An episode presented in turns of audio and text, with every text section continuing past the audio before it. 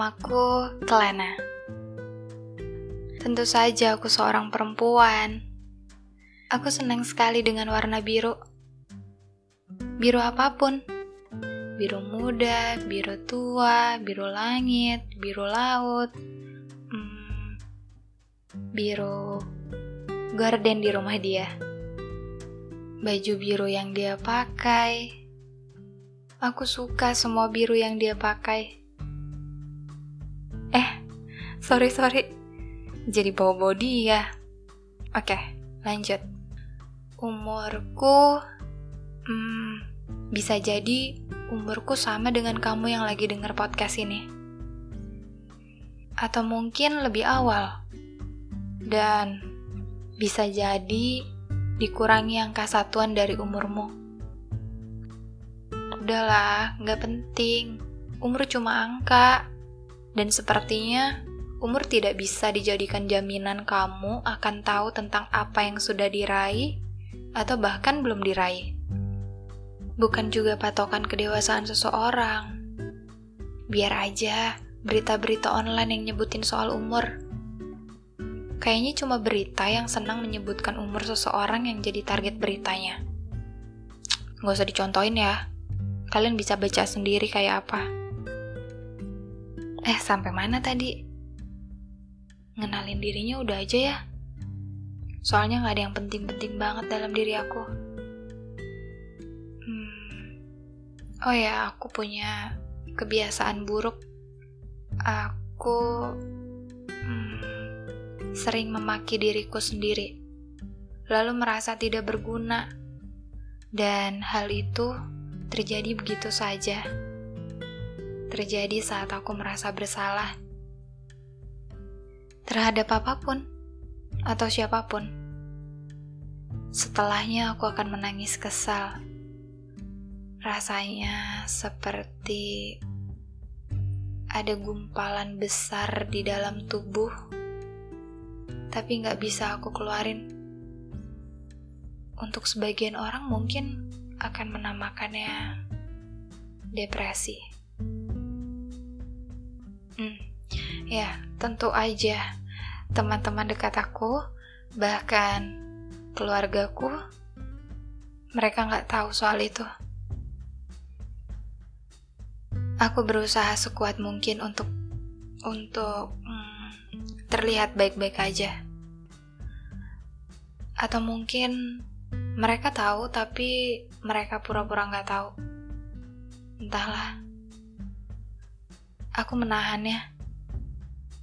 Dan memang sangat tidak mudah menahan sesuatu yang sulit ditahan. Kesedihan yang berasal dari rasa bersalah membuat aku kesakitan jika ditahan. Rasanya ingin sekali pergi jauh dari keramaian saat hal ini muncul tiba-tiba. Lalu aku menemukan tempat paling sepi. Cuma ada aku dan gumpalan terbesar yang ada di dalam diri sendiri. Berteriak sekencang-kencangnya, memaki diri sendiri yang tidak becus, tidak berguna, yang selalu saja melakukan kesalahan, sengaja atau tidak.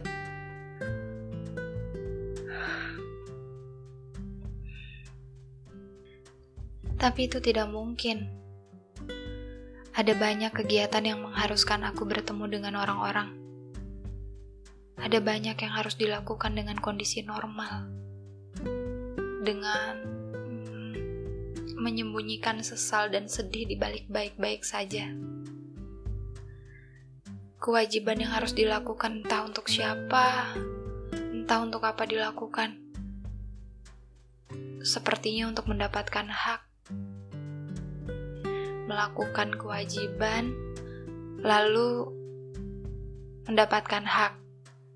Begitu yang ditulis di buku-buku motivasi, dan yang aku dengar dari orang-orang. Ketika aku sudah merasa berusaha keras demi hasil yang baik, dan ternyata gagal, apa hak itu berupa kegagalan? Jika bukan, lalu ini soal apa? Apa ini soal kewajiban dan hak? Di saat seperti ini, aku akan merasa bersalah. Aku gagal dan merasa tidak berguna. Aku tidak bisa berhenti untuk menyalahkan diri sendiri sepanjang malam, bahkan hari-hari berikutnya. Lalu menahannya agar orang-orang tidak tahu apa yang terjadi. Berusaha menutupi rasa kesal, bahkan ingin rasanya hilang saja sekarang. Aku tertembak, lalu mati. Karena hmm, karena aku berusaha sekeras mungkin agar agar tidak menjadi pembunuh untuk diriku sendiri kamu pasti anggap aku aneh. Keadaan memberi dukungan untuk tetap hidup dengan rasa bersalah, lalu merasa tidak yakin, merasa tidak berguna, terus ditutupinya lagi dengan kondisi baik-baik saja. Begitu saja alurnya. Ini sudah lama kulakukan. Sudah bertahun-tahun ditutupi agar tidak terlihat sebagai orang yang menyedihkan.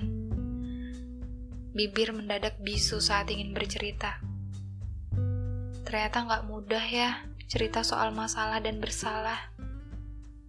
Seolah-olah aku paling tahu jawaban mereka yang mendengar ceritaku.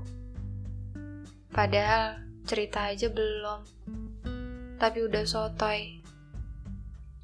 Menyebalkan sekali aku ini. Namun dengan berjalannya waktu, aku semakin mengerti soal rasa ini. Memang tidak boleh diabaikan.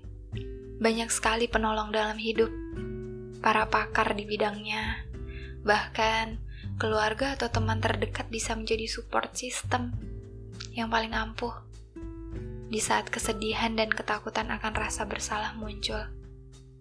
Dan Tuhan, penolong paling sempurna. Aku ingat saat itu, rasa yang sulit diterima oleh diriku sendiri, bahkan sulit untuk digambarkan atau dijelaskan bagaimana kondisinya. Jadi, kayak ada tekanan yang memaksa aku untuk terus menangis dalam kesendirian. Sendiri di tengah malam sunyi, semua pecah tidak berarah, bercampur lalu menjelma menjadi sosok yang tak ku kenal.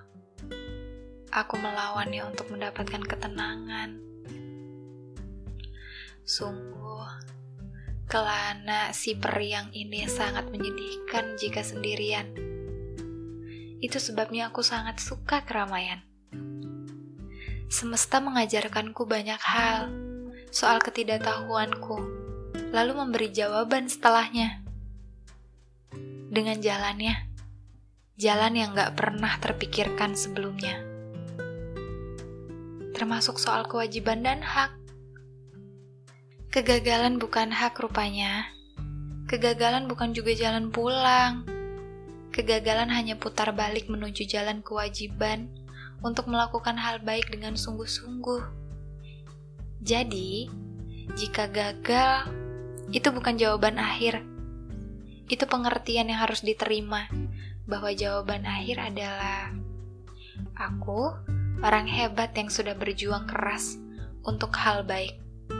Maka akan ada hasil baik lainnya yang kita butuhkan, bukan yang kita inginkan. Semesta memang selalu tahu hal itu.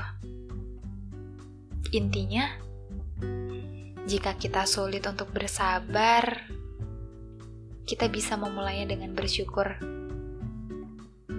Dan aku, Kelana, bersyukur sekali sudah pernah bertemu dengan lelaki berbaju biru